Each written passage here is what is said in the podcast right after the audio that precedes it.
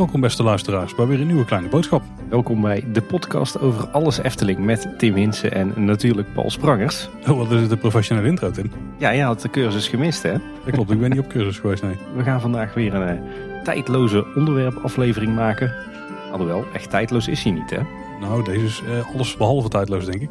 Want hij is zelfs zeer gebonden aan de tijd. Want wat we gaan doen vandaag is we gaan proberen om de toekomst te voorspellen. We gaan proberen om in onze glazen bol te kijken en te achterhalen wat er gaat gebeuren in het komend jaar in de wereld van de Efteling. Ja, want Paul, daar moet je me toch even meenemen. Want eh, het is jouw idee, hè? het is jouw kindje deze, deze aflevering. Eh, hoe zit het eh, in elkaar? Wat, wat gaan we vandaag precies doen? En kijk, we zitten nu natuurlijk in het najaar, hè, in het naseizoen. Of, of bij heel veel pretparken is dit normaal gesproken het einde van het seizoen. En dat is ook het moment dat heel veel pretparken de plannen gaan bekendmaken van wat het komend seizoen gaat gebeuren. Dus wordt er een nieuwe grote attractie geopend, dan begint meestal nu een beetje de marketing daarvoor. Want je wil niet dat mensen dan in de zomer daarvoor geen tickets kopen omdat ze weten dat er in de toekomst nog iets groots aan komt. Dus meestal, al is dit jaar denk ik wel een uitzondering, maar meestal is dus het einde van het jaar is het moment dat er nieuwe ja, grote aankondigingen worden gedaan. En het leek mij wel tof om dat moment een beetje voor te zijn. En eens te gaan kijken van wat gaat er nou in het komend jaar misschien wel gebeuren in de wereld van de Efteling. En dat moeten we natuurlijk ook wel eh, een beetje verantwoorden. En uh, ja, waarom maken we daar dan niet meteen een soort wedstrijd van, Tim? Tussen ons twee. Ja, want we moeten dus eigenlijk de toekomst gaan voorspellen hè, van de Efteling. Dat is precies wat we gaan doen, ja. Maar dan wel tot 1 oktober 2021. Ja, want we nemen dit op op 1 oktober 2020. Uh, de aflevering die komt een paar dagen later uit. Maar 1 oktober is onze pijldatum. En de vraag is dus inderdaad, wat gebeurt er de komende 365 dagen in de wereld van de Efteling? Uh, en kunnen wij dat voorspellen? Maar dat doen we niet zomaar met een, een schot voor de boeg. Daar hebben jullie, onze luisteraars, een aardige bijdrage aan geleverd. Nou, dat, dat kun je wel zeggen, want we hebben echt letterlijk honderden reacties gehad. We hebben honderden voorspellingen binnen gehad. Die hebben we allemaal bij elkaar gepakt. Daar hebben we wel een beetje een schifting in moeten maken. Want sommige waren te gedetailleerd om echt uit te komen, denk ik. Dus we hebben vooral gezocht naar de voorspellingen die en veel mensen hebben genoemd. Maar ook degene die, die net op het randje hangen van, het kan wel of niet gebeuren dit jaar, weet je wel. En ik ben bang dat het grootste deel ook heel veel wishful thinking was. Dus er zitten ook echt wel dingen bij die kans is niet zo heel groot. Maar wie weet is dat net het lucky shot waar we vandaag gaan nemen dat we daardoor winnen. Want wat we dus vandaag gaan doen is, is volgens een bepaalde set regels gaan we die voorspellingen dus uh, om en om kiezen. Uit jullie setje. Die hebben we ongeveer teruggebracht tot 45 voorspellingen. Die gaan we niet allemaal langslopen, maar we gaan in ieder geval er wel om en om een paar uitpikken. En de regels zijn eigenlijk zo. We kiezen dus om en om een voorspelling, tot we er ieder 10 hebben. Dus uiteindelijk hebben we dus ieder een setje van 10 voorspellingen. Uh, zoals altijd mag Siri bepalen wie er gaat beginnen. En meestal uh, werkt dat in mijn voordeel. Hè? Want eigenlijk tot nu toe, iedere keer dat jij je, Siri hebt gebruikt, was ik aan de beurt. Tot nu toe uh, ben ik daar weinig succesvol in. Maar wie weet wat er gaat gebeuren. We gaan natuurlijk over een jaar gaan we checken wat iedereen score was. En dan gaan we waarschijnlijk nog zo'n aflevering opnemen. En dan mag de verliezer van de vorige keer beginnen. Dus wie, nu, wie uiteindelijk verliest aan het eind van het jaar, die mag de volgende keer beginnen. Dus heb je daar misschien een voordeeltje bij. Als er een voorspelling is gekozen, dan mag de ander die natuurlijk niet meer kiezen. Want we moeten een unieke lijst met voorspellingen krijgen. En om punten te ontvangen, heel belangrijk, moet de voorspelling dus uit zijn gekomen voor 1 oktober 2021. En mocht er discussie zijn over of een voorspelling nou wel of niet is uitgekomen, want dat kan natuurlijk, hè? omdat sommige misschien niet helemaal straks zijn een lichte grijs randje eraan zit, hebben we een hele strikte scheidsrechter ingeschakeld en vriend van de show, Yves, ook wel bekend als de milde dictator. Toepasselijke nickname, ja inderdaad, om, ja, die, die komt hier heel goed van om de jury te zijn in deze aflevering. Maar als we dus zelf er niet uitkomen, want in principe proberen we onderling te bepalen, het gentleman's uh, agreement, wie het punt krijgt. Maar mocht er nou echt niet uitkomen, dan kunnen we Yves inschakelen. En om te voorkomen, Tim, dat er een gelijkspel komt. Want het zou zomaar kunnen. Uh, ieder stellingen. Wie weet gaat het uh, de Efteling voor de wind uh, nog de rest van het jaar. En gaat alles gerealiseerd worden wat we dadelijk gaan voorspellen. Of misschien niet. Er zitten ook wat dingen bij die dan niet gerealiseerd worden. Maar dan hoor je het vast straks wel. Het kan zijn dat er gelijkspel komt. Dan hebben we ook een tiebreaker vraag. En die is, hoeveel bezoeken heeft de Efteling in 2020 ontvangen? Mm. Dat is dit jaar denk ik een hele, hele vervelende vraag. Een hele lastige, ja. Maar die, die gaan we denk ik op het laatst doen, toch? Ja, het is wel zo dat degene die mag beginnen, die moet dan ook uiteindelijk uh, dus het getal noemen. En de ander moet dan zeggen of dat het meer of minder gaat zijn dan dat. En dat bepaalt uiteindelijk wie natuurlijk die vraag heeft gewonnen. Dat kan er maar één zijn. Nou, ik ben sowieso benieuwd of we allebei evenveel uh, voorspellingen goed gaan hebben. Want die kans lijkt me al klein. Maar sowieso wel leuk om even een, een gokje te wagen wat het bezoekersaantal van uh, dit seizoen gaat zijn. Ik heb echt geen idee. Dus ik ben heel benieuwd wie mag beginnen. Want die mag daar een schot voor de boeg gaan nemen straks. Ja, ik moet zeggen, Paul, in eh, de voorbereiding, ik heb natuurlijk die 45 eh, stellingen, of voorspellingen moet ik eigenlijk zeggen, uh, gekregen van jou. Ik vond het best wel lastig om, uh, om over dat wishful thinking heen uh, te stappen. Ja, ik ook. Als je dan, als je dan die voorspellingen gaat rangschikken, dan, dan begin je toch voor je gevoel met, met de voorspellingen waarvan je hoopt dat ze uitkomen. Maar daar heb ik me echt wel overheen moeten zetten en echt moeten nadenken van, goh, waar is nou echt de kans heel groot van dat het daadwerkelijk binnen nu en 365 dagen gebeurt? Want ja, we willen natuurlijk wel winnen. Dat is uiteindelijk ook wel mijn insteek geweest, ja. Maar toch, ik heb wel een paar dingen in zitten die toch wel het randje van wishful thinking aanraken. Want het zou wel mooi zijn als je dan daarmee de overwinning binnensleept. Ah, dat is waar. Nou, we gaan er daar vanzelf achter komen.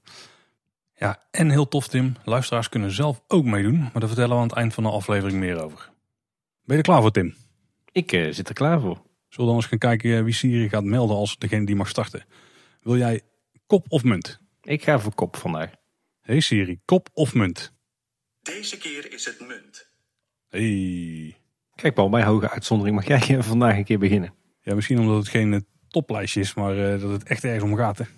Ja, precies, dat is waar. Nou, dan komt hij dan mijn eerste voorspelling. En dit is misschien wel een, een, Ja, is het toch op het randje van gaat het wel, gaat het niet gebeuren. Maar ik heb er heel uh, goede moed op dat het wel gaat gebeuren. En dat is dat de Efteling start met de bouw van de Reizenrijk uitbreiding. En die hebben onder andere van Joost Pinning gekregen, maar ik vond heel veel anderen.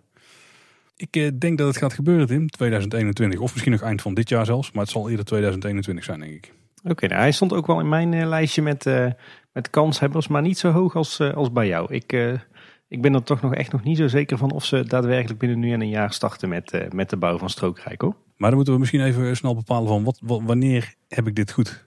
Moeten ze dan zijn begonnen met de grondwerkzaamheden? Of moeten ze echt al begonnen zijn met een attractie daar? Nee, zodra de schop in de grond gaat, dan, dan heb je dit Dat, dat vind ik heel mooi. Daar ben ik het helemaal mee eens. Oké, oké.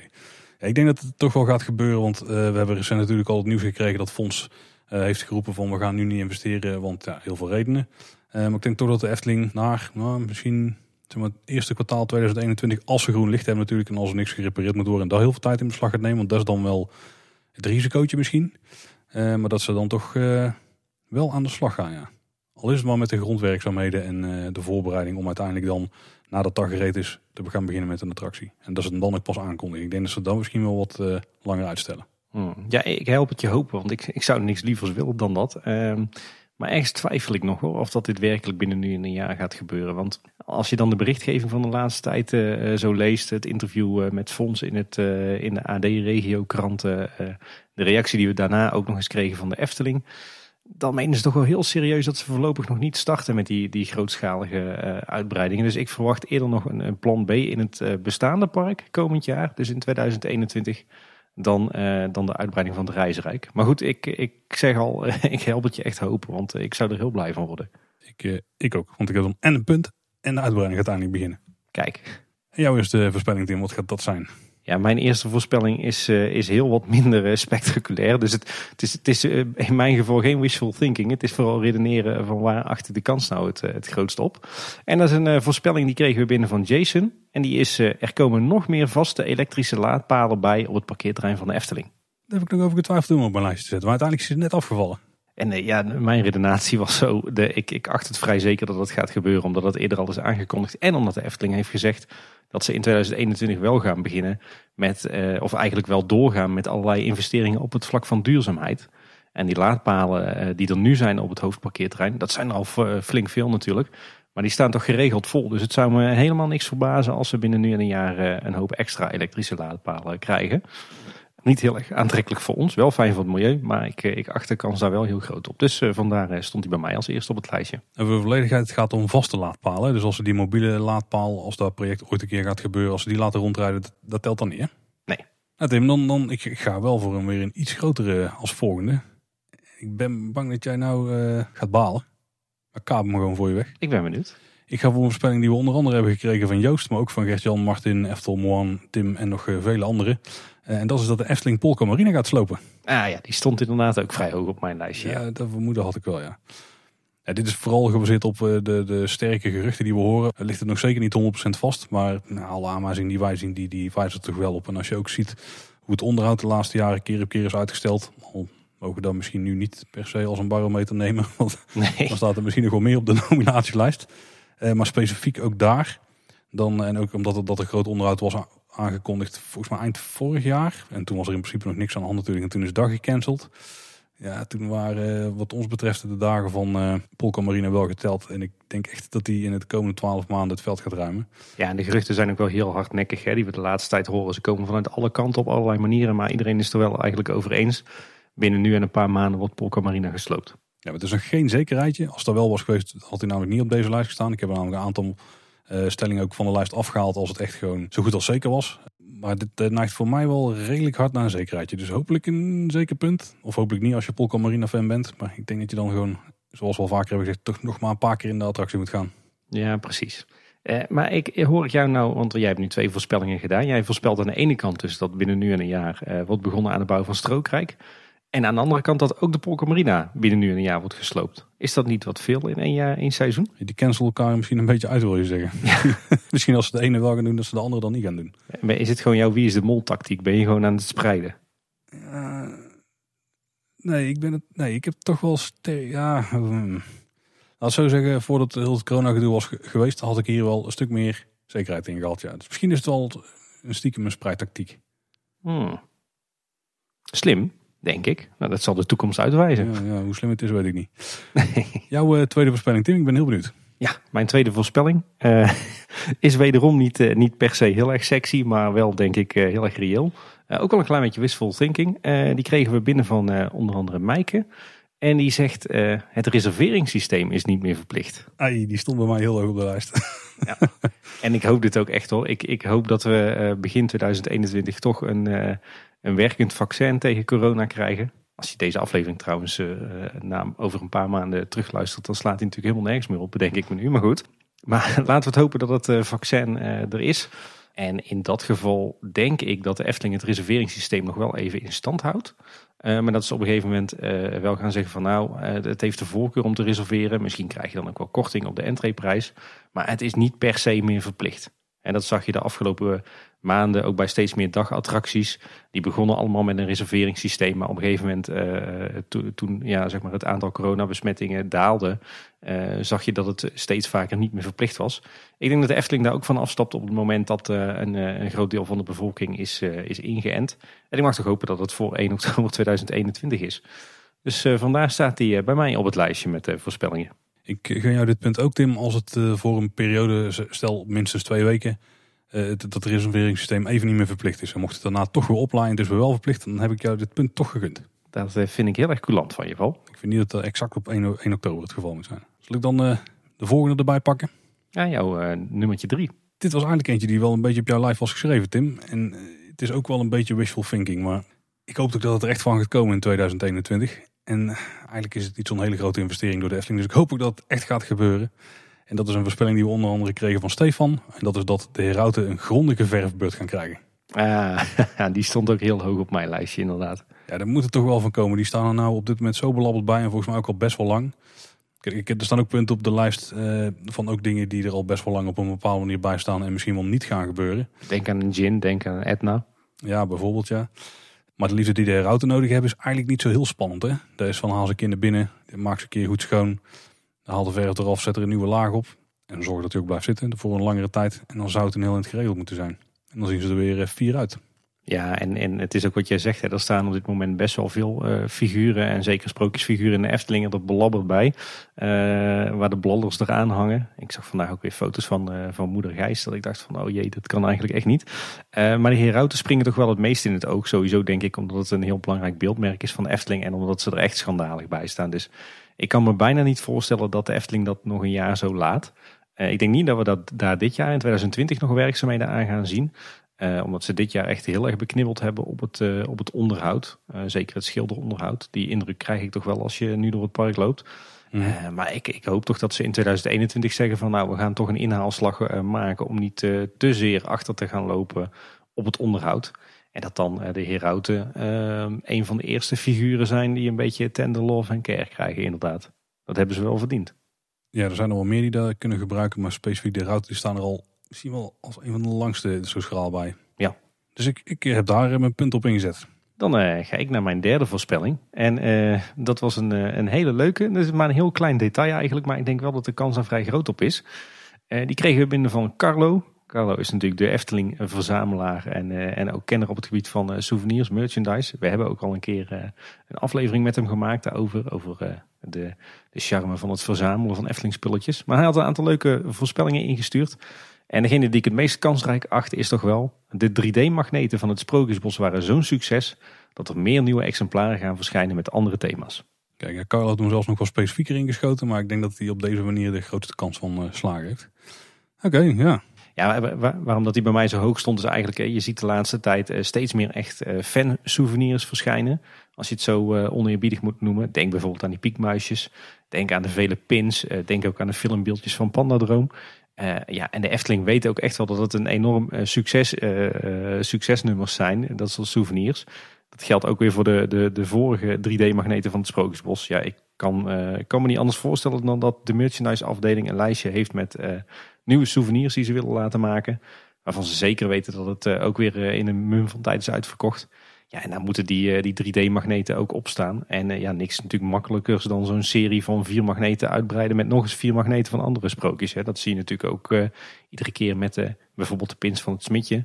Daar komen ook iedere keer weer een paar nieuwe, nieuwe varianten van. En ik verwacht dat ook bij deze, deze 3D-magneten. Ik heb nog een andere van Carlo in mijn backup staan. Er zat best wel een paar goede voorspellingen. Nou, ik jou zo hoor praten, was dit inderdaad misschien wel de meest kansrijke van eh, degene die die had opgestuurd. Hmm. Heb je denk ik goed gekozen, Tim? We gaan het eh, zien over een jaar, Paul. Ja, mijn volgende is, is eentje waarvan ik eigenlijk niet per se hoop dat het gebeurt. Maar ik heb hem een beetje ingezet omdat het misschien wel een makkelijk punt is. En dat is een voorspelling die we hebben gekregen van onder andere Bas en Jafet. En dat is dat een grote attractie een storing krijgt en minstens vier weken dicht gaan. En nou, nou wil ik nog onderhandelen, Tim, over die vier weken. Want daar heb ik een beetje arbitrair gekozen. Dat hadden ze zelf niet als voorstel gedaan. Is vier weken echt een lange storing? Dat is wel een lange storing, vind ik, ja. Dat is wel een serieuze. Dus we mogen hem naafhouden op vier weken. Ik, eh, wat mij betreft houden we hem erop. Ik ben er sowieso al voorstander van om gewoon vast te houden aan het originele script. Want eh, anders klopt ook niks meer van mijn ganglijst natuurlijk. Hij stond toevallig bij mij ook bovenaan nu om te noemen. Dus jij hebt hem echt letterlijk eh, voor mijn neus weggekaapt. Oh, echt? Ja. Dat is dan het voordeel van mogen beginnen. Ja, en, en de reden dat het denk ik een veilig punt is, is omdat die, eh, het gebeurt ieder jaar wel. Hè? Dat er een attractie een tijd uit ligt. Villa Volta hebben we afgelopen jaar bijvoorbeeld gehad, die lange tijd eh, kwijt is. Wat- ik trouwens wel belangrijk vind bij deze, is dat het echt om een attractie moet gaan. En niet eh, een sprookje in het sprookjesbos. Bijvoorbeeld dat de sprookjesboom nu langere tijd dicht was, dat telt dan niet.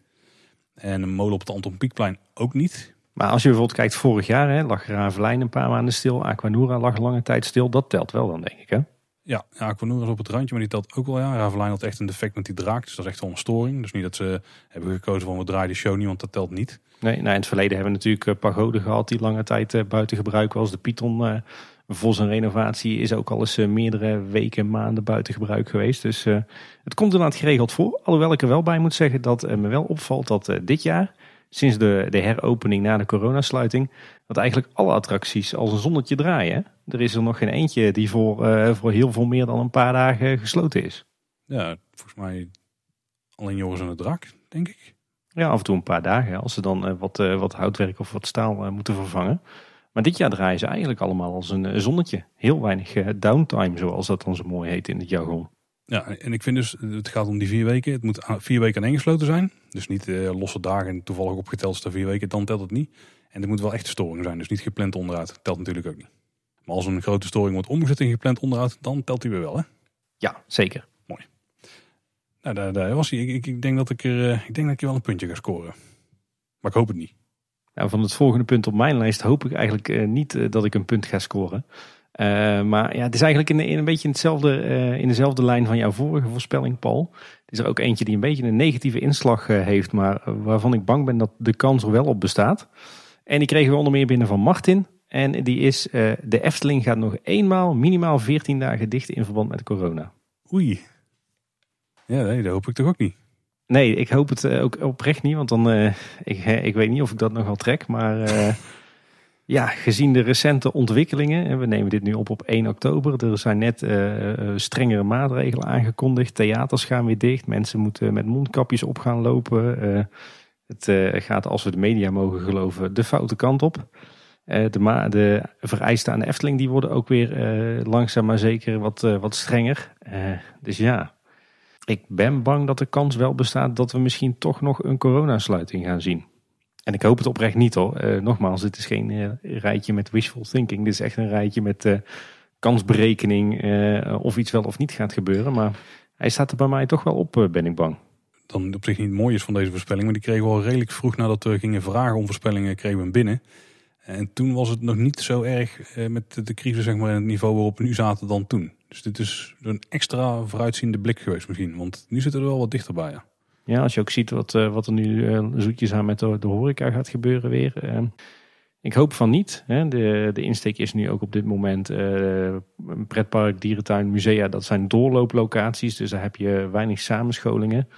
Maar goed, er wordt nu ook alweer geroepen dat er misschien aan de capaciteit van de Efteling gaat worden gesleuteld door de veiligheidsregio. Dus ik weet het allemaal nog zo net niet.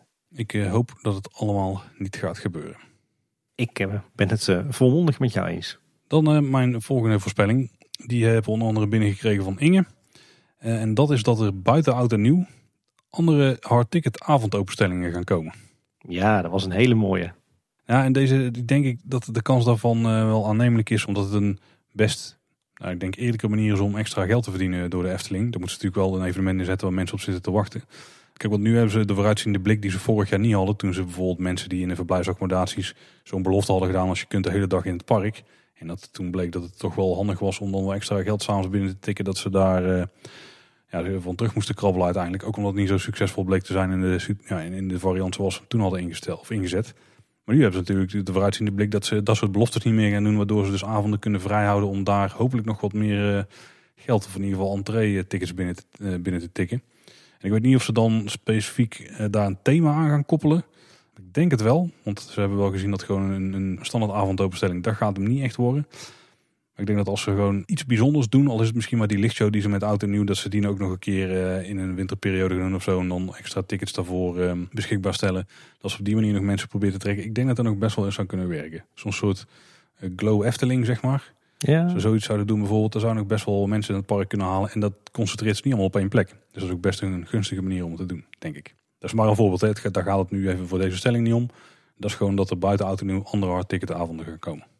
Nou ja, hij stond ook eh, bij mij op mijn, eh, op mijn toplijstje. Eh is wel grappig. Ik heb in de voorbereiding hier naartoe heb ik die 45 stellingen of voorspellingen die we hadden gekregen op volgorde gezet. En ik heb de bovenste 20 uitgeselecteerd. Ik denk ja, hoe groot is de kans nou dat Paul en ik allebei dezelfde voorspellingen op ons lijstje hebben staan. Maar tot op heden putten we allebei uit diezelfde 20, eh, Paul. Dus we hebben tot nu toe redelijk eh, dezelfde inschatting. Heb ik er nog geen één die niet in jouw eh, top 20 staat? Nee. Nou, dat gaat nog veranderen, dat weet ik vrij zeker. Nee, ik ben benieuwd. Nee, ik ben het helemaal met jou eens. De Efteling daar heeft er natuurlijk echt wel nood aan om extra geld te gaan verdienen. Is het niet dit jaar, dan is het wel volgend jaar.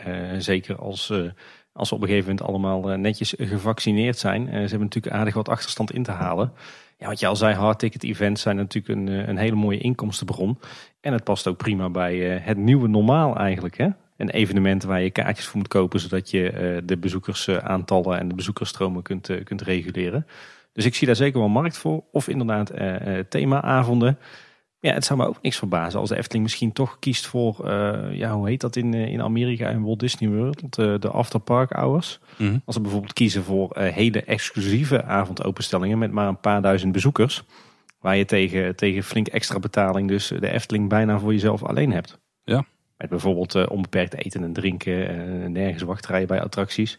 Zou natuurlijk ook een verdienmodel kunnen zijn. Ja, ik weet alleen niet per se of dat het Nederlandse publiek voor zoiets klaar is. Dus voor een veel hogere entreeprijs met die voordelen. Maar het is ook een optie inderdaad. Ze kunnen daar een beetje mee experimenteren. Als ze die avonden vrij houden, ja, dan kunnen ze daarmee doen wat ze willen. En we hebben natuurlijk eh, in onze afgelopen 175 afleveringen al legio ideeën voorbij horen komen hè, voor hardticket events. Eh, een hardticket event rond, eh, rond griezelen als een soort alternatief Halloween. Een, een soort heropleving van de midzomernachtavonden. Misschien wel iets rond, eh, iets speciaal voor fans. Eh, misschien wel iets, eh, een evenement waarbij de Efteling figuren tot leven komen. Nou, zo zijn er legio ideeën voorbij gekomen. Ja, absoluut. Ja. meer dan genoeg opties. Dan ben ik benieuwd naar jouw volgende voorspelling, Tim. Ik hoop eigenlijk stiekem dat je er een paar bij mij gaat wegkapen. Want ik heb er nog zoveel goede in zitten. Hmm. Dat het zonde is dat ze niet allemaal in mijn top 10 passen. Ik kan met datzelfde probleem. Misschien moeten we toch voor wat eervolle vermeldingen gaan dan straks. Of mag dat niet? Ja, daar gaan we sowieso doen. Maar die tellen niet mee voor de punten. Ah, oké. Eh, nou, dan ga ik er eh, eens een keer voor de positieve insteek. Ik heb een, een voorspelling die onder meer is ingediend door Ruben en Stefan.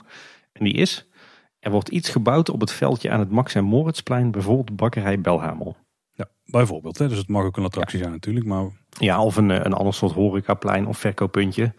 Ja, waarom staat deze in mijn, mijn top eh 10 eh, voorspellingen? Ja goed, eh, ze hebben natuurlijk niet voor niks daar die lap grond braak laten liggen en alleen maar even snel met gras ingezaaid. Dat is natuurlijk omdat er op korte termijn nog iets moet gaan gebeuren. We weten ook dat er heel lang plannen waren om eh, bij eh, de opening van Max en Moritz daar ook een, een horecaplein te hebben. Met, met losse verkooppuntjes of met, met die bakkerij Belhamel, hè, waar ze allerlei broodjes zouden gaan verkopen. En dat is allemaal wegbezuinigd, naar verluidt omdat de omzet van 2019 tegenviel. Eh, maar er is wel echt daadwerkelijk aangekondigd dat op een later moment dat er daadwerkelijk nog iets gebouwd gaat worden daar aan, eh, aan horeca hoogstwaarschijnlijk.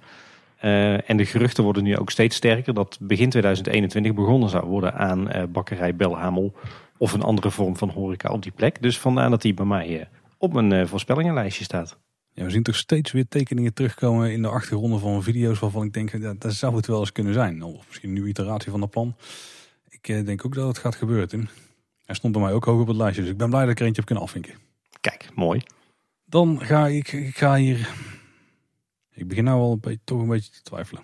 Maar ik ga denk ik voor eentje waar ik zelf een soort logische beredenering voor heb eh, gevonden. Waardoor ik hoop dat die uitkomt. Alleen misschien is oktober 2021 net te kort. Ik ben heel benieuwd. Ik ga er gewoon voor, Tim. Het is een voorspelling die we onder andere hebben binnengekregen van Stefan, Jens en Vigo. En dat is dat er een derde Aquanura symfonie komt. Ah, dat is de eerste die bij mij niet op het, eh, het eh, top 20 lijstje stond. En dat lijkt misschien een beetje ver gegrepen, maar dan ga ik gewoon kijken naar wat ze nu aan het doen zijn in de Efteling. Op dit moment zijn ze bezig met uh, met de zachte G. Daar hebben ze de mensen van Wet voor ingevlogen. Daar hebben ze een, een, een kubus voor neergezet, zeg maar, om alles te kunnen programmeren. Ik denk, ja, als je dit jaar Aquanura met de zachte G gaat doen, waarom zou je diezelfde mensen ook niet een nieuwe show laten inprogrammeren voor de derde symfonie? Iedereen die daarmee te maken heeft, die is nou op dezelfde plek. Als je ook nieuwe stukken gaat inspelen, dan zou je het misschien ook kunnen doen. Dus nu deels met volgens mij de band van Guus Meeuwis. Maar ja, als je de, degene hebt die ook gewoon de stuk inspelen van de Efteling, dan zou je die misschien zelfs kunnen hergebruiken. Ik denk dat als je kostenefficiënt wil zijn, het misschien nu het moment is om zo'n derde symfonie erin te schieten. Ook omdat er voldoende nieuwe muziek is, denk ik, die daarin uh, gebruikt kan gaan worden. Zoals uh, Symbolica, de Baron, ja, de auto weer niet, maar we hebben sowieso nog wel wat klassiekers uit het park die erin gebruikt kunnen worden. ook Fabula zou er nu bij kunnen. Misschien wel een stukje nieuwe parkmuziek of zo. Ik heb het op die manier voor mezelf proberen recht te breien. Ik uh, vind het een uh, goede poging om jezelf in te dekken, Paul. het, is, het, is deel, het is een beetje wishful thinking, maar het is natuurlijk ook een beetje de, de, de theeblaadjes lezen. Ik, uh, ik snap hem. Ik ben benieuwd of dat dit waar gaat, waarheid gaat worden. Bij mij stond hij vrij ver onderaan. omdat hij eigenlijk letterlijk was, er komt een derde, derde symfonie van Aquanura. Nou ja, we hebben er nu natuurlijk al een tijdje twee. En je ziet dat ze nu toch vooral investeren in die die speciale Aquanura shows ter gelegenheid van. Hè, denk aan Chesto Nura en nu weer Aquanura met een zachte G. Ik denk als er wat gaat gebeuren met Aquanura het komende jaar, dan is het eerder weer zo'n productie dan echt een, een, derde symfonie met alleen Efteling nummers. Want ja, wat is daar commercieel gezien de toegevoegde waarde van? Ik denk nul. Dus waarom zou je het dan doen? Je hebt toch al meer, genoeg aan, meer dan genoeg aan die twee Efteling symfonieën. En je ziet in de praktijk dat zelfs het meest, het grootste gedeelte van de tijd die eerste symfonie wordt gedraaid. Dus daarom zie ik ze zeker niet snel een derde symfonie maken. Het commerciële voordeel is denk ik dat de investering beperkt is ten opzichte van andere investeringen die in het park noemen. Dat het toch weer iets is wat je dan in de loop van volgend jaar kunt brengen als uh, kijk eens wat we nu weer doen. Misschien is dus 2021 te vroeg omdat 2022 weer een jubileumjaar is. Mhm. Mm -hmm. En dan is het natuurlijk het moment om zoiets te doen als extraatje misschien of, of daarom te verantwoorden.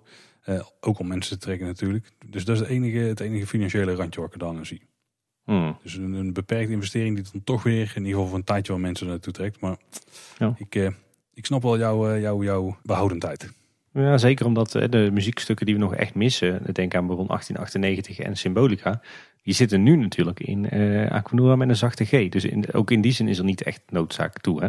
Ja, behalve dan dat die Aquanura met de zachte G maar een tijdelijke show is. Dat is waar, ja. Daar heb je ook alweer een punt. Oké, okay, dit is zo eentje die mooi is als hij uitkomt. En dat ik dan heel blij ben dat ik die erin heb gezet. Maar ja, ik besef me dat het niet per se een schot in de roos is. Nee. Oké. Okay. Hey Paul, jij houdt de stand bij ondertussen hè? Ja zeker. Ik heb een lijstje en ik hou precies bij uh, wie wat heeft gestemd. En dat zullen we ook in de show notes vermelden. Kijk, wie, uh, op hoeveel, uh, hoeveel voorspellingen mag ik nog? Je mag er nog vijf. Jij zit precies op de helft. Ik zit er net eentje overheen. Dan ben ik wel benieuwd wat jouw zesde wordt, Tim.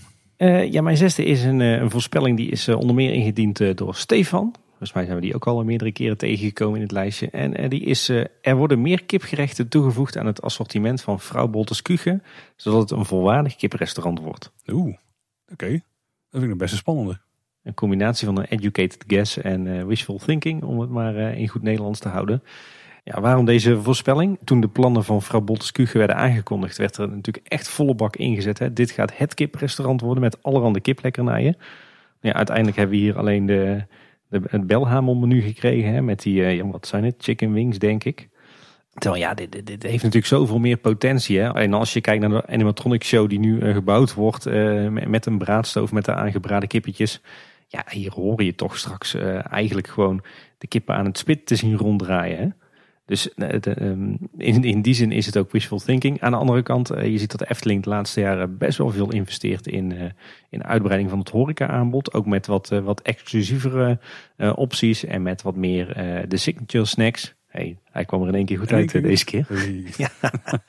Eh, dus ik denk dat het best wel een kanshebber is. Zeker ook omdat we heel veel mensen erover hebben gehoord van... eh, ja joh, je hebt hier nou een kiprestaurant, maar zoveel kip valt er niet te krijgen. Dus ik denk dat deze best wel eens op het, het aandachtspuntenlijstje van de Efteling kan staan als optie. En als het daadwerkelijk binnen nu en een jaar wordt gerealiseerd, dan juich ik dat zeker toe. Maar het lijkt me zeker een, een realistische kanshebber. En wanneer zou je hier gelijk in krijgen, Tim? Als we nieuwe kip snack toevoegen, is dat dan ook al voldoende? Of als het, is het, gaat het meer om hoe ze het dan promoten? Of moeten ze echt kip aan de spit hebben of uh, schnitzels of eh, iets in die geest? Ja, Stefan die heeft het echt over een volwaardig kiprestaurant. Hè? Dus dan zijn we er inderdaad niet met nog één gefrituurde kipsnack erbij. De kipcorn of de, kip, eh, de kipburger. Nee, ik denk inderdaad als er echt wat, wat meer differentiatie is op het gebied van kip. Dat is trouwens ook een mooie, een mooie uitdrukking. Maar eh, als, als we naast die dingen uit de frituur met een krokant korstje... als we inderdaad ook de, de halve of de hele haantjes hebben bijvoorbeeld... of de drumsticks of eh, eh, de kippenvleugeltjes. Nou, ik, eh, het water loopt me in de mond. Maar iets, in, iets in die richting. Oké, ik kan me er wel aan vinden. Misschien moeten we hier Ivo inschakelen, maar dan zien we dan te zijn het uit al. Dan zijn we bij voorspelling 7 aangekomen.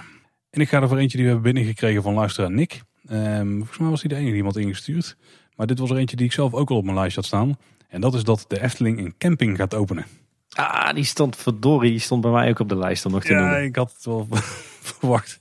En dat heeft deels te maken natuurlijk met de ontwikkelingen in de wereld van de Efteling die wij recent ontdekt hadden. Eh, dat de Efteling dus de camping heeft overgekocht, eh, de voormalige camping Bernhoeven. Dat niet alleen, ook natuurlijk het succes van die eh, pop-up camping bij eh, Toverland. En ik denk dat de Efteling daar ook wel goed heeft afgekeken. Ja, En dat er best eh, een goede motivator is om ook een camping te openen bij de Efteling. En misschien alleen maar voor een, voor een deel van het seizoen. En misschien nog niet eens op het terrein van de Bernhoeven. Maar ik denk het wel, want ja, die hebben ze in principe, er zit de bestemming al op, daar hoeven ze niks moeilijks voor te doen. Het enige nadeel is dat er niet per se heel veel plek is en dat het op dit moment qua uitstraling niet echt Eftelings is. Ehm, maar er is misschien wel iets van te maken met wat tijdelijke zaken die ze daar neer kunnen zetten. Kijk nogmaals naar Toverland, daar zag er echt wel eh, netjes uit. Ehm, of misschien dat ze ja, een deel van het parkeerterrein zie ik de Efteling niet zomaar doen, want dat hebben ze hard nodig in de zomer. Maar ik, ik denk dat de Efteling wel eens een, een camping kan gaan openen in het komend jaar. Misschien voor een bepaalde tijd, eh, niet permanent en zeker nog niet in de uiteindelijke vorm, want daar gaan ze niet in investeren dit jaar. Maar wel een vorm dat je in een, in een laat het houden, vorm dat je in een tent kan slapen binnen de wereld van de Efteling. ik eh, ben het volledig met je eens. Hij stond bij mij ook nog op eh, de lijst om te noemen. Om precies de, de reden die jij al noemt. En ja, laten we wel wezen, de Efteling mist nog echt wel een camping in het, eh, in het eh, aanbod van de verblijfsaccommodaties. Hè? Ja, en ik zie in de toekomst wel echt een grote camping verschijnen, ook met, wat, eh, met een aantal vaste facilitaire zaken erbij.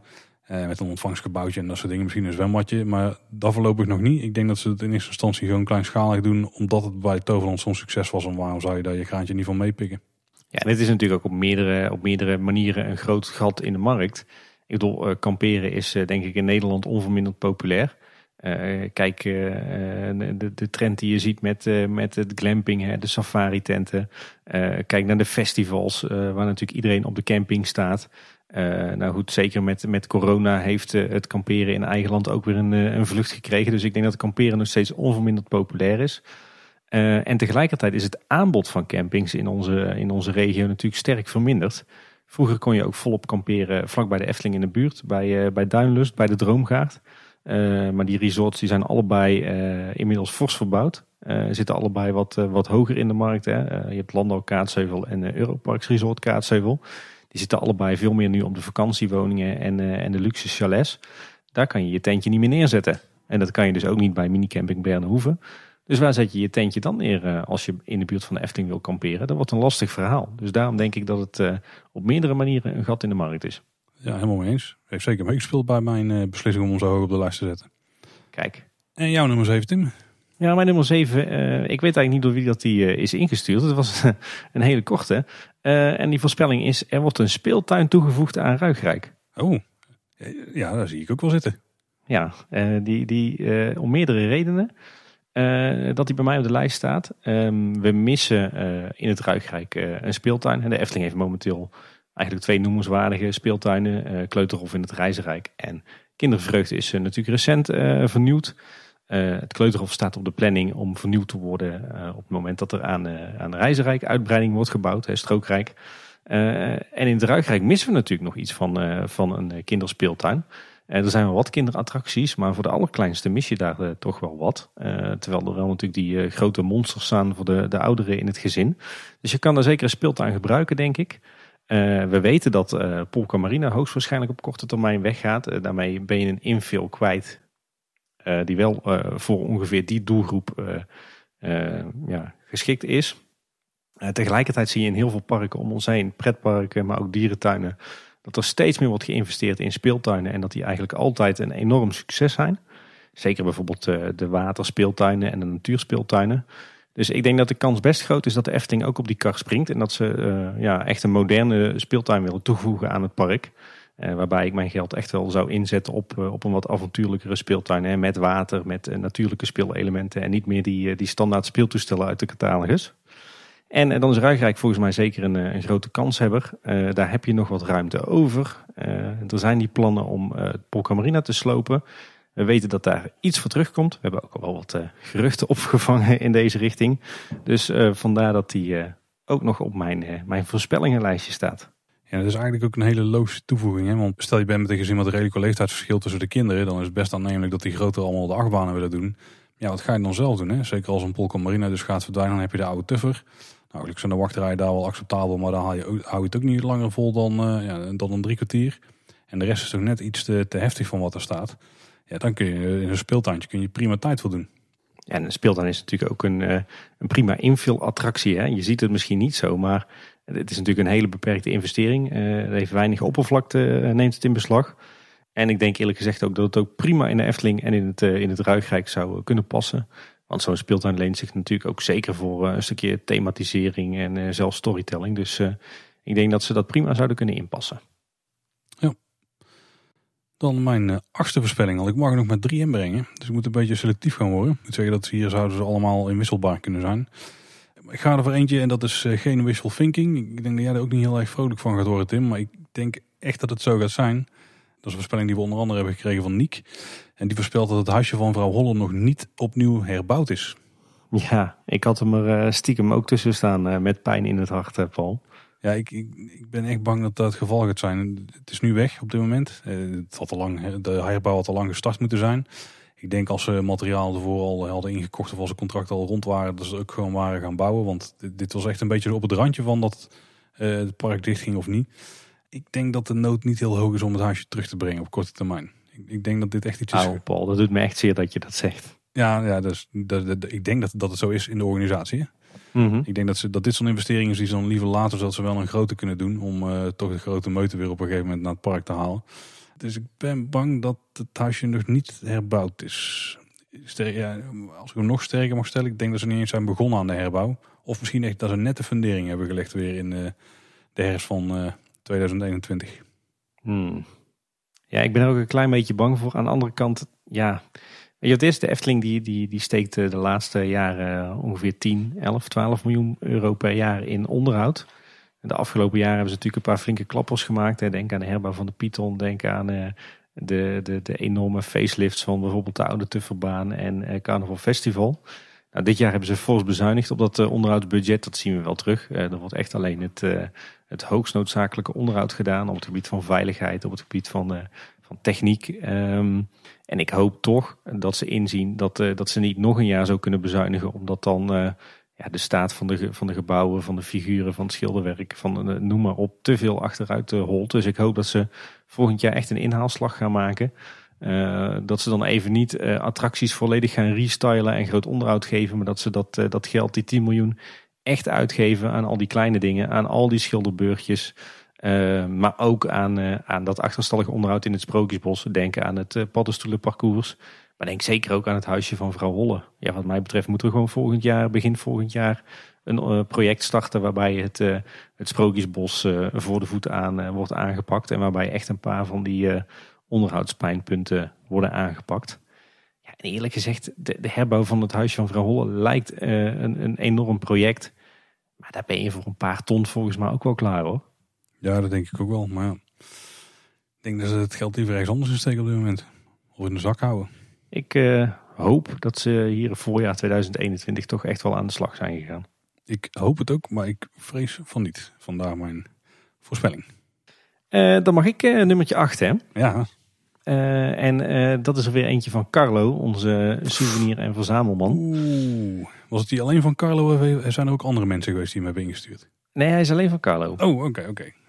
Kijk, dan heb ik eh, in dit geval geen gras voor jouw voeten eh, weggemaaid. Eh, maar het is weer zo'n leuke souvenirstelling die ik alleen maar kan toejuichen. En die volgens mij nog best wel kansrijk is. En die stelling is, de Efteling gaat na jarenlange afwezigheid weer posters verkopen. Met bijvoorbeeld afbeeldingen van het Sprookjesbos, achtbanen of eentje van Symbolica. Ja. Ja, Carlo, ik help het je hopen. De attractieposters. Ja, de Efteling heeft er beperkt wat verkocht in de geschiedenis. Ze zijn natuurlijk enorm groot eh, in de, de, de Disney-wereld. De, de gestileerde attractieposters. De Efteling heeft er de, de afgelopen jaren ook wel een aantal ontworpen. Maar die werden dan exclusief uitgedeeld aan, eh, aan de mensen die betrokken waren bij de bouw. Terwijl, ja, we zeiden het net al. eh, men weet bij de Efteling dat er een enorme vraag is naar, eh, naar van die typische fansouvenirs. Nou ja, attractieposters zijn er natuurlijk een prachtig voorbeeld van. Eh, wat ik al zei, we kennen ze ook echt eh, in grote getalen in, eh, van Disney. Nou ja, de, de, de kosten hiervan om zo'n eh, zo'n souvenir te vervaardigen zijn natuurlijk minimaal. Vaak zijn ze al ontworpen. Eh, nou ja, je moet ze drukken en dat is het dan wel. En je weet dat ze als warme broodjes over de toonbank gaan. Dus ik, eh, het zou mij niets verbazen als we dit ergens het komende jaar ook als nieuw souvenir gaan tegenkomen in het park. Ik snap waar je vandaan komt, maar omdat er weinig precedent is, is het dan toch weer spannender misschien. Nou ja, volgens mij de, de, de laatste poster eh, die ik me nog kan herinneren, die stamt volgens mij van het 60-jarig jubileum. Dat was zo'n eh, een heruitgave van een poster eh, uit volgens mij 1952. Ik weet even niet of dat er daarna nog posters zijn uitgekomen. Ja, er zijn genoeg illustraties die zich er wel verlenen. We hebben ook bijvoorbeeld illustratie van Sander de Bruin voor het, volgens mij voor het 65-jarig bestaan. Waarbij je symbolica had met op de voorgrond het kasteel van eh Door een Roosje. Wat echt wel een hele toffe poster zou kunnen zijn. Ja, dat is een hele mooie. Ja. En, en inderdaad wat jij zegt, er zijn van die attractieposters gemaakt voor eh, Bron 1898 bijvoorbeeld. Volgens mij als je die in de schappen legt, dan zou je die ook prima verkopen. Ja, en denk bijvoorbeeld ook aan de vaandels die nu op de parkeerpromenade hangen. Hè, met eh, per rijk eh, de silhouetten van, van de belangrijkste attracties en figuren in zo'n rijk. Ja, daar kan je natuurlijk ook schitterende posters van maken. Ja, dat kan zeker. Of wat dacht je van, van die, die liefhebber die toen zelf een poster heeft ontworpen met erop alle attractievoertuigen van de Efteling. Op een soort van blauwdruk. Dat was natuurlijk ook heel gaaf. Die was ook heel gaaf. Die komt binnenkort hier thuis hangen. Oh, tof. Heb jij hem eh, online eh, gekocht? Ik moet hem ook bestellen, maar we hebben het plekje al ingericht en de lijst staat al klaar. Ik ben, kom er alleen steeds niet aan toe om eh, te bestellen. Ja, kijk. Nee, dit is wat mij betreft qua merchandise wel echt een, een easy score voor de Efteling. Dus vandaar staat hij er bij mij op. Oké, oké. Hmm, Ik, ik, ik heb het moeilijk, Tim. Ik heb er drie. En je mag er nog twee, hè? Ja, en het zijn eigenlijk alle drie een beetje uitsmijters. Die meer aan de kant zitten van het gaat waarschijnlijk niet gebeuren. Hmm. Ja, maak je keuze, eh, Paul. Nou, dan mijn nummer 9. Ik, ik, heb, ik heb wel echt moeite mee om...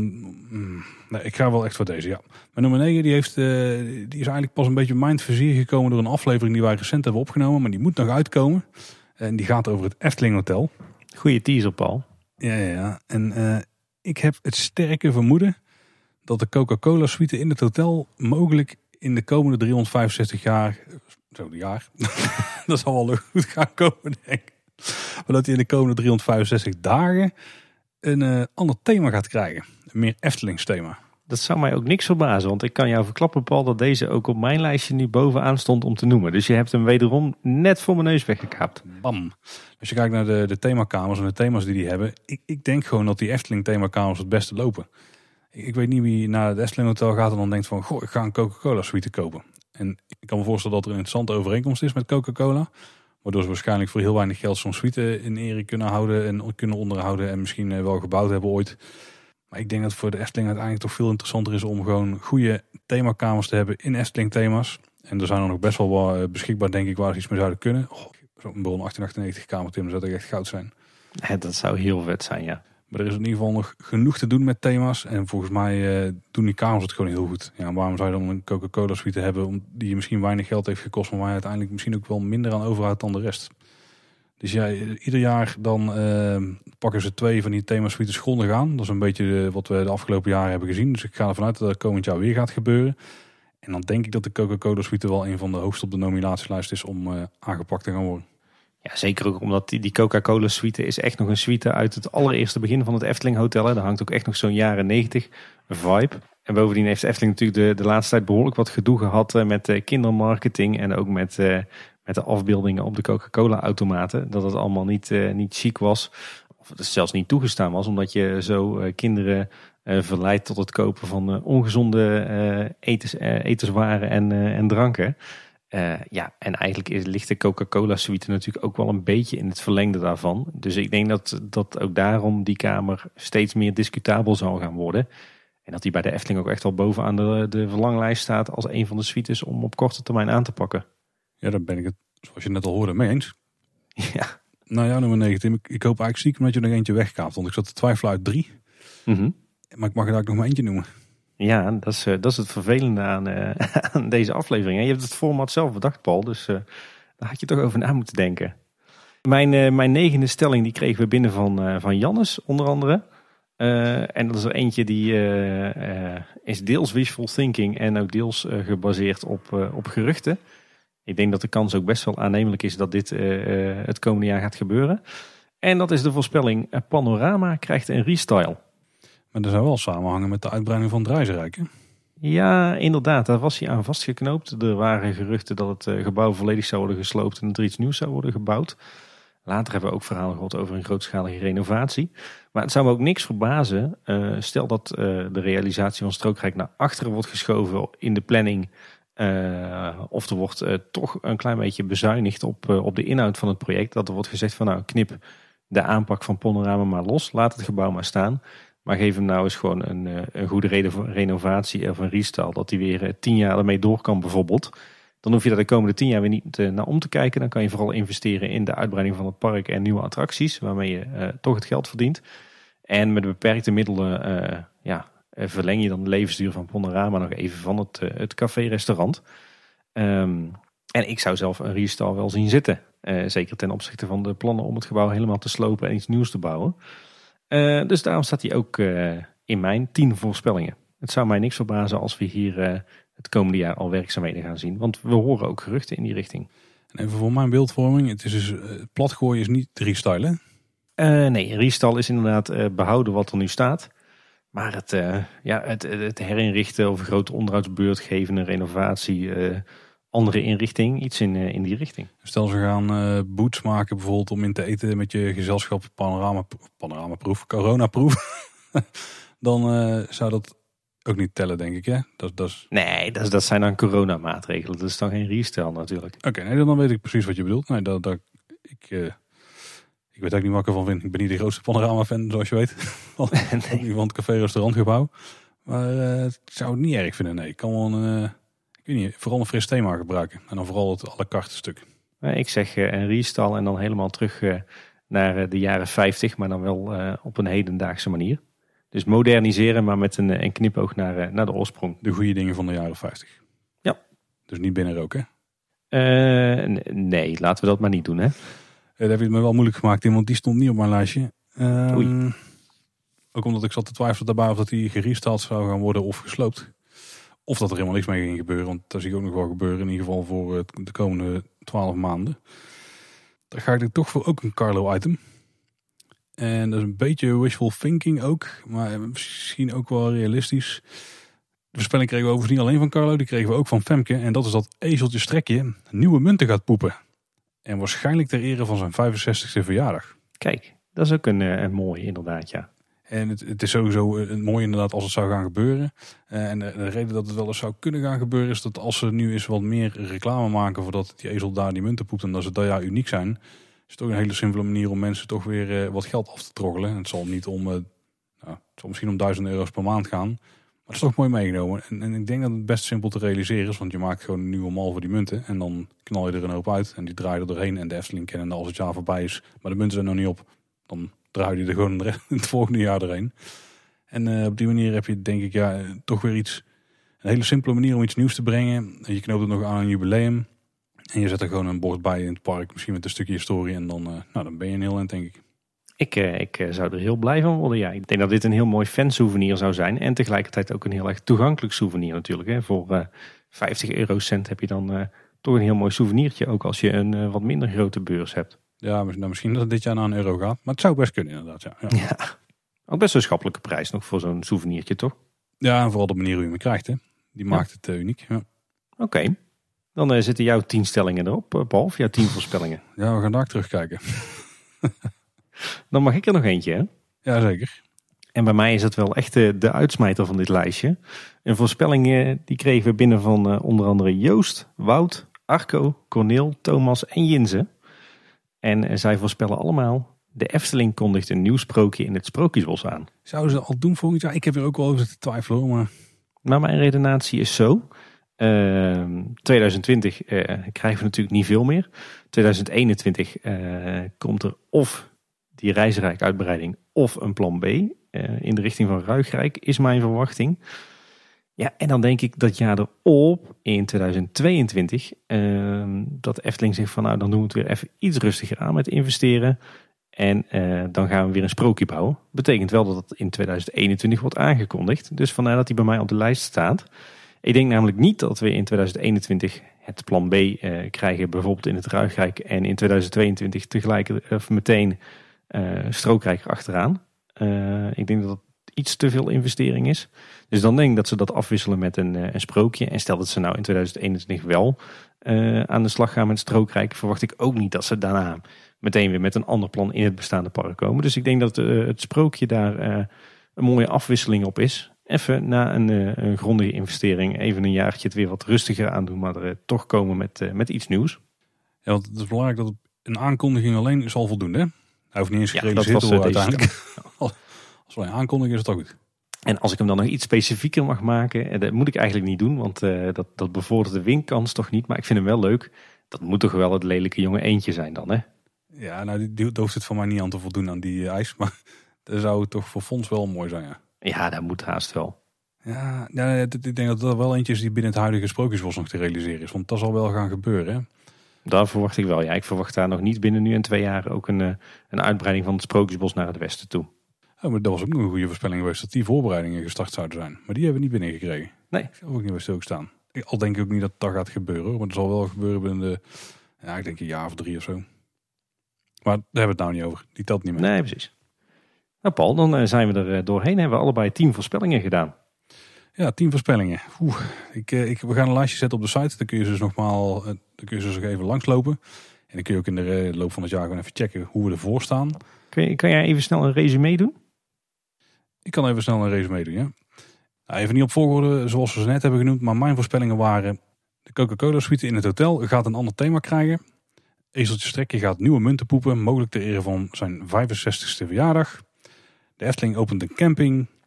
Eh, er komen buiten oud nieuw speciale hardticket avondopenstellingen. De herauten krijgen een grondige verfbeurt. Een grote attractie krijgt storing en is minstens vier weken dicht. Er komt een derde Aquanura symfonie. De Efteling sloopt Polka Marina. Het huisje van vrouw Holle is nog niet opnieuw opgebouwd. Maar, en dit is de grote klapper, de Efteling start wel met de bouw van de Reizenrijk-uitbreiding. Kijk. En jouw voorspellingen, Tim, die waren... Er wordt iets gebouwd op het veldje bij het Max Moritzplein. Bijvoorbeeld een bakkerij Belhamel. Het reserveringssysteem is niet meer verplicht. Er worden meer kipgerechten toegevoegd aan het assortiment van vrouw Bolters Kuchen. De Efteling gaat nog één keer minimaal 14 dagen dicht in verband met corona. Nou, laten we erop hopen dat dat echt niet gaat gebeuren. Dat puntje Nee. gun ik je niet. Eh, er wordt een speeltuin toegevoegd aan Ruigrijk. Panorama krijgt een restyle. Er komen nog meer vaste elektrische laadpalen op het parkeerterrein bij het park te staan. De Efteling gaat na jarenlange afwezigheid weer posters met bijvoorbeeld afbeeldingen van het Sprookjesbos, achtbanen of attracties verkopen. Er komen nieuwe 3D-magneten, bijvoorbeeld eh, met andere thema's dan het Sprookjesbos, zoals we er nu al hebben gezien. En de Efteling die kondigt een nieuw sprookje in het Sprookjesbos aan. Kijk, twee mooie lijstjes. We gaan ze inderdaad nog even online zetten op eh, kleineboodschap.com. En eh, over precies een jaar, dan eh, worden we erop afgerekend. Tenminste, we moeten eerst nog de shootout vraag eh, beantwoorden, Paul. Oeh, die hebben we ook nog, ja. Dat is een hele goeie. Hoeveel bezoeken gaat de Efteling ontvangen in 2020? Ik, ik zeg hier nadrukkelijk bezoeken, hè, dat we daar geen gedoe over krijgen. Het zal weer bezoekers worden genoemd in de media, maar dat is niet wat wordt geteld. Wij weten inmiddels maar al te goed hoe het wel hoort. Ja, ik vind het echt een hele lastige. Maar jij moet wel meer of minder zeggen, dus misschien is dat mijn redding uiteindelijk. Ik ga voor 3,1 miljoen bezoeken. Weet je wat nou grappig is? Ik had hier eh, van tevoren over nagedacht. En ik denk, als ik het moet zeggen, dan eh, ga ik voor 3,2 miljoen bezoeken. Dus eh, we zitten akelig dicht bij elkaar in de buurt. Nou, dan zeg ik ook gewoon, dan ga ik voor hoger dan 3,1 miljoen. Hoger. Oké, nou, bij deze genoteerd. 3,1 miljoen. Ik ben echt heel benieuwd. Ik heb echt geen idee. Dat zijn nog eh, oude getallen die we nog kennen uit de jaren 90. 3,7 miljoen. Dus een, nostalgie van het soort waarvan je eigenlijk niet eh, hoopt dat het waarheid wordt. Ja, maar ja, nou, ik, ik, zou drie, ik zou het nog niet eens zo heel slecht vinden eigenlijk. Ja, ik denk dat het voor de Efteling ook wel een beetje een, eh, een doel is om daarop uit te komen. Nou ja, ik, ik zet hem op, op hoger dan 3,1. Ik hoop het met je mee. Hey, en, en voordat we dan gaan afronden, Paul. We kregen zoveel leuke stellingen binnen. Eh, ik geloof dat we een kleine 200 voorspellingen kregen. Jij hebt er uiteindelijk de 45 leukste uitgehaald. Nou, het waren, het waren meer dan 200 voorspellingen. Meer dan overheen. 200 Ja, zelfs? Ja, zeker. Wow. Nou goed, jij hebt eh, de 45 leukste eruit gehaald. We hebben er nu eh, 20 uitgekozen. Maar ik vind het toch wel zonde om er een aantal niet te benoemen die bij mij toch wel op mijn lijstje stonden als eh, reserve of als eh, eervolle vermelding. Gewoon uit eh, een stukje wishful thinking of omdat ze zo leuk waren. Ik heb daar geen probleem mee. Maar zullen we er iets minder eh, motivatie bij geven dan? Ja, dat lijkt me goed. Oké. Eh, zullen we er om een momentje uitpakken? Ja, is goed. Dan mag jij dit keer beginnen. Ik had er eentje van Stefan. Die gaat niet in 2021 gebeuren, maar hopelijk wel het jaar eh, daarna. Namelijk het Efteling Museum krijgt een tijdelijke nieuwe tentoonstelling over 70 jaar Efteling. Ja, dat was een beetje jammer. Er stond er nog een in die over 70 jaar Efteling ging. Ik denk aan de hand van een eh, foutief tweetje wat we er zelf uit hadden gestuurd. Ja, wie had, het ook alweer, eh, wie had zich ook alweer vergist? Ik geloof ik hè? Ja, dat kan ik bevestigen. maar daar stond 2022 in als einddatum. Want er was namelijk ook nog eentje van eh, Stefteling. En dat is dat er een nieuw jubileumboek komt voor het 70-jarig bestaan. Ik hoop daar ook heel erg op. En ik had hem ook op mijn lijst staan. Ja, als we het dan toch over wishful thinking hebben inderdaad, dan stond die bij mij ook op mijn lijstje met, met eervolle vermeldingen, ja. Hij stond ook op mijn lijst totdat ik besefte dat hij eigenlijk helemaal niet kon. Dus eigenlijk hadden we maar 43 stellingen. Want deze twee die vielen er technisch gezien wel vanaf. Ehm, ik had ook nog eh, van eh, Stefan, maar ook van Thijs, dat er een nieuw speciaal biertje geïntroduceerd gaat worden. Ah ja, die, eh, die was ook leuk. Ik hoop erop. Als we het dan over, over wishful thinking hebben, dan stonden er nog twee op over groot onderhoud. Eentje van Menno en Daniel, die voorspelden er gaat groot onderhoud plaatsvinden aan Villa Volta. Want eh, die attractie eh, jubileert natuurlijk in eh, 2021. En Stefan en eh, wederom Daniel, eh, die voorspelden ook nog het paddenstoelenparcours wordt vervangen. Oeh, Dat zijn twee grote onderhoudsklussen waar ik eh, eh, heel erg naastig naar uitkijk. het paddenstoelenparcours had ik de inverse bijna wel van eh, kunnen durven noemen, denk ik. Ja, ik ben bang eh, dat dat ook het geval gaat zijn. Maar die staat bij mij in ieder geval nog hoog op het eh, verlanglijstje. Ik denk als we geen virusgedoe hadden gehad, dat die Villa Volta ook een redelijke schot in de roos was hoor. Laten we het hopen dat het eh, ooit nog eens zover komt. Eh Cornel had er nog een ingestuurd over de entreeprijs en abonnementsprijzen. Die voorspelt namelijk dat die fors gaan stijgen. Daarbij moest dan nog wel een percentage doen. Maar ik zou, eh, ik had, was dan denk ik voor een stijging van op zijn minst 15% gegaan of zo. Ik weet niet of dat heel fors genoemd mag worden. Maar dat- dat was er wel eentje geweest die op het randje zat. Ik heb nog een mooie, eh, als het eh, wel gaat over wishful thinking. Die kregen van heel veel mensen binnen. Van Casper, Corneel, Alex, Tapser en Jannes. Eh, namelijk Monsieur Cannibal krijgt een nieuw thema of een flinke restyle. Ja, in een ander jaar had ik die misschien ook iets hoger op mijn lijstje gezet. Ja, ja. Ja, gezien alle ontwikkelingen van, van voor corona verwacht ik toch eerlijk gezegd wel dat die attractie over niet al te lange tijd ook wel een, een restyle krijgt hoor. Wat ik ook een hele mooie vond was er een van Giel. Die stond niet hoog op mijn lijstje, maar wel een mooie. Er komt een nieuwe Gijs. Ja, zou nog wel eens kunnen, misschien een jaar later, hè, als dan mocht het circusgebiedje geopend geworden dat hij daarbij staat. Maar ja. Ik had nog een klein, eh, nog een klein eh, voorspellingje van eh, wederom Daniel. Ook, ook weer over onderhoud. Dus ja, daar hou ik wel van. Dus dat heeft wel mijn interesse. Vandaar dat hij veel op mijn invallen vermeldingenlijstje staat. Maar dat was een klein klusje. Namelijk de muur van de magische klok wordt herbouwd. Niet per se de klok zelf. Eh zou zomaar kunnen. Ik denk als ze de herauten een schilderbeurt eh, geven. En ze maken er meteen een, eh, een allesomvattende onderhoudsklus van. Dan zou het best wel eens kunnen dat ze die muurtjes ook opnieuw opbouwen. Want die zijn in behoorlijk eh, slechte staat na al die jaren. ja, dat is het enige wat straks kan gebeuren. Misschien hoef je ze niet eens meer te slopen. Vallen ze zo om. Ik vond nog wel een leuke, een kleine die Max voorspelde. Het Efteling abonnementspasje krijgt een ander design. Dat is ook al lang geleden. We zitten al lang met die donkerblauwe passen. Ja, mijn, mijn pas is inmiddels zo oud dat de streepjescode bijna niet meer gelezen kan worden als ik Oh. om korting eh, ga schrapen. Ja, die pasjes die we nou hebben zijn ongeveer allemaal even oud. Want toen die RFID-chips erin zijn geplaatst, toen moest iedereen volgens mij een nieuwe gaan, eh, gaan halen en omwisselen. Klopt. Ja, en Anne heeft laatst nog een nieuwe laten maken omdat ze er, de abonnementspas kwijt was geraakt op eh, 10 gemeenten. En nou, toen kreeg ze een, een kerstvers abonnementspasje, maar dat had nog steeds hetzelfde ontwerp met eh, dat donkerblauwe paarsige kleurtje met eh, de heraut voorop. Hè. Ik, word, eh, ik word altijd weer vrolijk als ik mijn portemonnee opensla en ik zie mijn abonnement zitten. ja, zo werkt mijn portemonnee niet, maar ik snap wat je bedoelt. En de bankpas zit erboven en dan denk ik meteen weer van, oh ja, het ene zijn wel erg aan het ander geleerd, zeg maar. Maar goed. En, en nog een hele leuke van Kevin de Jong.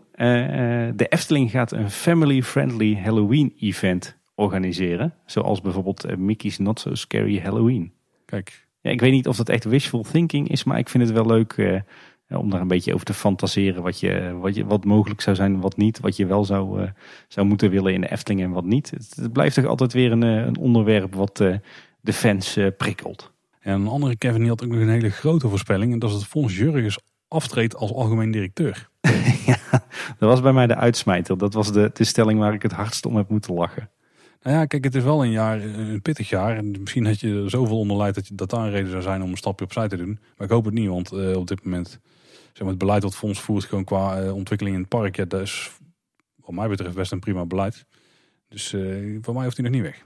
Nee, nou, en hij stond bij mij op de eervolle vermeldingen, dus omdat ik er hard om moest lachen. Maar eh, nee, ik verwacht het ook niet. Weet je wat is? Fons is ook niet het type directeur om, eh, om de, de, de impopulaire besluiten te nemen en na een paar jaar weer weg te gaan. De- de- dan moet je eerder denken aan, eh, aan de manier waarop bijvoorbeeld een Paul Beck of een Ruud de Klerk of een, een Bart de Boer weg zijn gegaan uit de Efteling uiteindelijk.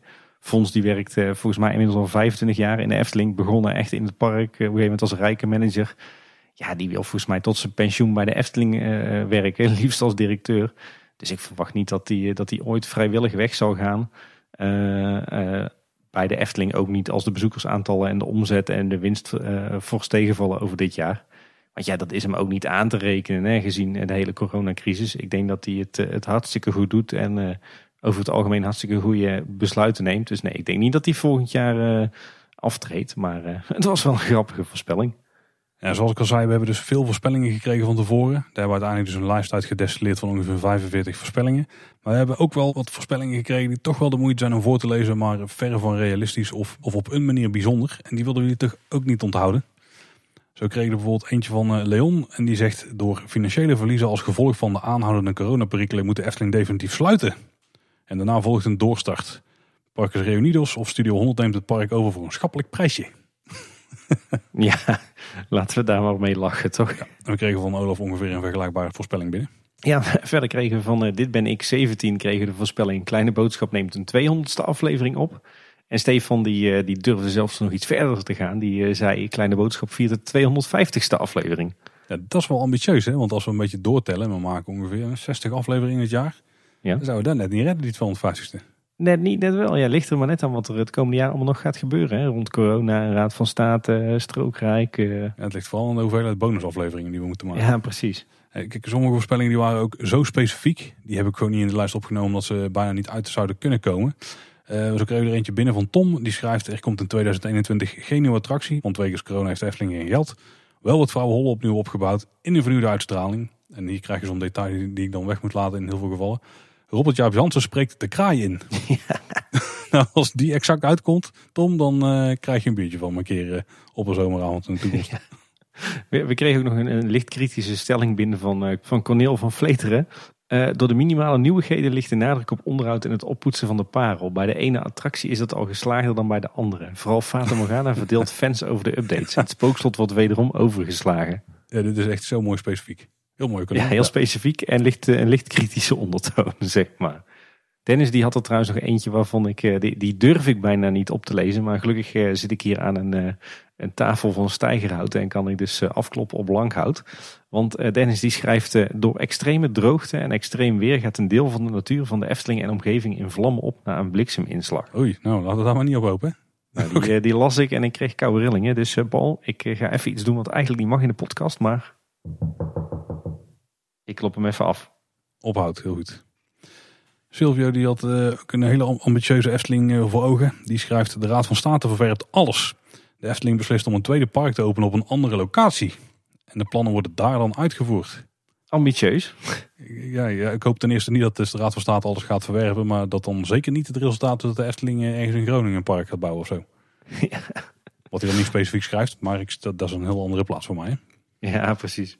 Maar het was wel leuk. We kregen ook van, uh, van uh, sommige van onze luisteraars ook echt duidelijke stellingen binnen uh, waaruit wat wishful thinking bleek. Zo kwam Boukje met de voorspelling. De Efteling realiseert dat ze twee voorpoten zijn vergeten aan de merchandise van Draak.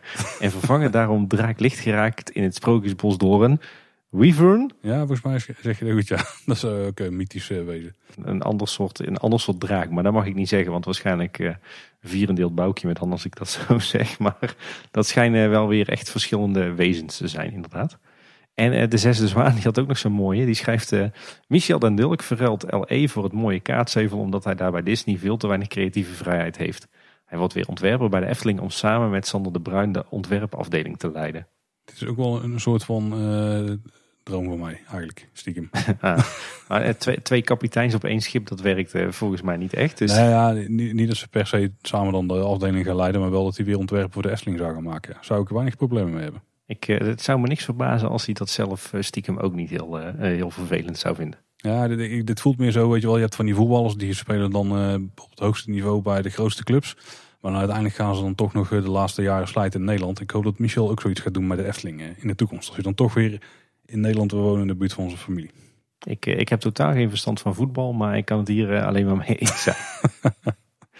We hadden het al net even over Corneel en zijn kritische voorspellingen. Hier hebben we er nog eentje. Uh, Paul van Loon brengt een nieuw Ravelijnboek uit. Ondanks de hoop van de entertainmentfans blijft de Efteling Show zelf ongewijzigd. Ik vond het mooiste van deze voorspelling dat die überhaupt was dat Paul van Loon een nieuw Ravelijnboek uitbrengt. En dat het maar lukt binnen een jaar. Ja. Want de bende van de Witte Veer heeft volgens mij meer, bijna anderhalf jaar geduurd of zo, voordat hij toch verkrijgbaar was. Ja, volgens mij wel. Volgens mij was die onderhand al aangekondigd voordat wij begonnen met de podcast. En afgelopen jaar is hij pas in de, in de winkels verschenen. Dus daar had ik niet zo heel veel hoop op. En uh, als laatste had Michael nog een, uh, nog een ja, toch best wel interessante, die bijna op de lijst was gekomen, maar toch net iets te specifiek was om uh, meegenomen te worden. En hij schrijft, door het uitstel van Strookrijk men voor het 50-jarig jubileum. Maar ik denk dat hij het 70 bedoelt, dus dan eigenlijk, eigenlijk weer een jaartje te vroeg. Uh, voor een uitbreiding binnen de parkgrenzen met attracties die geen fundering hebben. Kermis Anton Pieck is een uitbreiding op de huidige collectie modus op het Anton Pieckplein. dit klinkt meer als een, als een soort van tijdelijke oplossing, maar volgens mij brengt Michael hem toch als eentje die dan voor langere tijd zou staan. misschien zelfs permanent. Ja, en het is ook niet zo dat als je attracties neerzet zonder fundering, dat het dan wel zomaar mag. Dan nog moet het wel voldoen aan het bestemmingsplan namelijk. Ah, oké, oké, oké. En je kan wel een tijdelijke ontheffing op het eh, bestemmingsplan eh, aanvragen. Dat werd vroeger zelfs heel veel gedaan. Er was een eh, bepaalde artikel zoveel procedure. Dan vroeg je een ontheffing aan van het bestemmingsplan voor tien jaar. En dan na die tien jaar, ja, dan stond het er toch al tien jaar. Dus dan kon het net zo goed gelegaliseerd worden. Dat mag niet meer. Dus, dus ook als je tijdelijk van het bestemmingsplan af wil, wil wijken, dan moet je aan allerlei procedures en regels voldoen. Dus, en dat geldt net zo goed voor kermismolens zonder fundering als met fundering. Dus ja, zo hebben we eigenlijk nog veel meer voorspellingen gekregen. Ook uh, enorm grappige, maar ook heel veel erg gedetailleerde. En die hebben we of wat, uh, wat minder gedetailleerd gemaakt, zodat we ze mee konden nemen. Maar mocht je voor de volgende keer stelling insturen, en, wacht daar een jaar mee, want daar gaan we zelf al om vragen. Iets minder gedetailleerd is vaak een grotere kans dat ze mee worden genomen in de lijst. Precies. Hey Paul, dan, dan zijn we heel erg uitgeweken van ons, van ons hoofdonderwerp eigenlijk. Maar het belangrijkste om te concluderen is dat we allebei tien voorspellingen hebben gedaan die binnen nu en 365 dagen de waarheid moeten worden. En op eh, 1 oktober 2021 gaan wij de balans opmaken in Kleine Boodschap. eh, en bepalen wie van ons tweeën het beste de toekomst van de Efteling kon voorspellen. Nou, dit waren in ieder geval onze voorspellingen. 10 stuks per persoon. Maar zoals we aan het begin van de aflevering al melden, je kunt zelf ook meedoen. En dat kan namelijk door eh, online ook te kiezen uit deze 45 stellingen. Dat kan via een Google Form. Het linkje vind je uiteraard in de show notes. Kijk. En eh, daar kun je je naam achterlaten eh, met je e-mailadres. Dat kun je ook kiezen uit de 45 stellingen. En je moet opgeven eh, hoeveel bezoek je denkt dat de Efteling gaat ontvangen dit jaar. Hè? Stel dat het daarom mocht hangen. En dan gaan we ook kijken wie daar dan het beste in heeft gescoord. Dan hebben jullie natuurlijk wel het voordeel dat jullie en onze voorspellingen hebben gehoord. Al weten we niet wat die waard zijn. En dat je gewoon alle 45 stellingen voor jezelf hebt. Je hebt niemand anders die ze kunt wegkapen bij je. Dus, dus een klein voordeeltje voor jullie. Maar dat vinden we natuurlijk niet zo erg. En hier geldt natuurlijk ook. eh, Uiteindelijk gaan we gewoon bepalen welke voorspellingen zijn uitgekomen. En uh, daarbij is het zo dat als we er niet uitkomen, dan mag Yves de doorslag geven. Dus Yves ook een grote rol voor jou. Ja. En uh, dit is wat mij betreft een jaarlijks terugkerend iets. Dus volgend jaar gaan we precies dezelfde oefening dan doen. Maar dan weten we ook wie de keer daarvoor heeft gewonnen. En uh, ook even voor de volledigheid. Deze aflevering komt een paar dagen nadat we hem hebben opgenomen uit. Mocht daartussen iets worden aangekondigd, dan telt hij wel gewoon mee voor de scores. Want we tellen echt vanaf 1 oktober 2020 tot en met 1 oktober 2021. Ja, ja Paul, en jij zegt uh, dit wordt uh, wat ons betreft een vaste waarde in Kleine Boodschap. Ik wil er wel even aan koppelen dat we natuurlijk wel willen weten wat uh, de luisteraars van dit concept vinden. Want vinden jullie het nou allemaal echt niks? Dan, dan houden we er natuurlijk na 1 oktober 2021 gewoon mee op. Dus we zijn ook heel erg benieuwd wat jullie van deze aflevering en dit idee vonden. en dat kan je eigenlijk op allerhande manieren bij ons krijgen. Ja, het kan bijvoorbeeld via Instagram of Facebook. Daar zijn we Kleine Boodschap. Ja, en we zijn uh, vooral heel goed bereikbaar uh, via Twitter, onze favoriete social medium, denk ik wel. Ja, zeker. Uh, en dan zijn we @kboodschap. We hebben natuurlijk ook een website, dat is kleineboodschap.com. Daar staat een contactformuliertje op. Er staat ook een lijstje op van alle afleveringen. Die kun je ook eventueel filteren op, op typen. Dus als je alleen maar interviews wil luisteren, dan kun je daar heel makkelijk een lijstje interviews tevoorschijn toveren. En we plaatsen ook bij iedere aflevering show notes. Dus als je meer wil weten over wat er is besproken, dan plaatsen we relevante links daar. En mailen kan ook, en dat is naar info.kleineboodschap.com. En je luistert uh, Kleine Boodschap in je favoriete podcast app of op uh, Spotify. Uh, luister je ons nou in een app, zorg dan dat je je abonneert. En kan je een rating of een review achterlaten. Dan waarderen we dat ook altijd enorm als je dat doet. Dat was in ieder geval voor deze week. Bedankt voor het luisteren. Tot de volgende keer. En houdoe. Houdoe waar.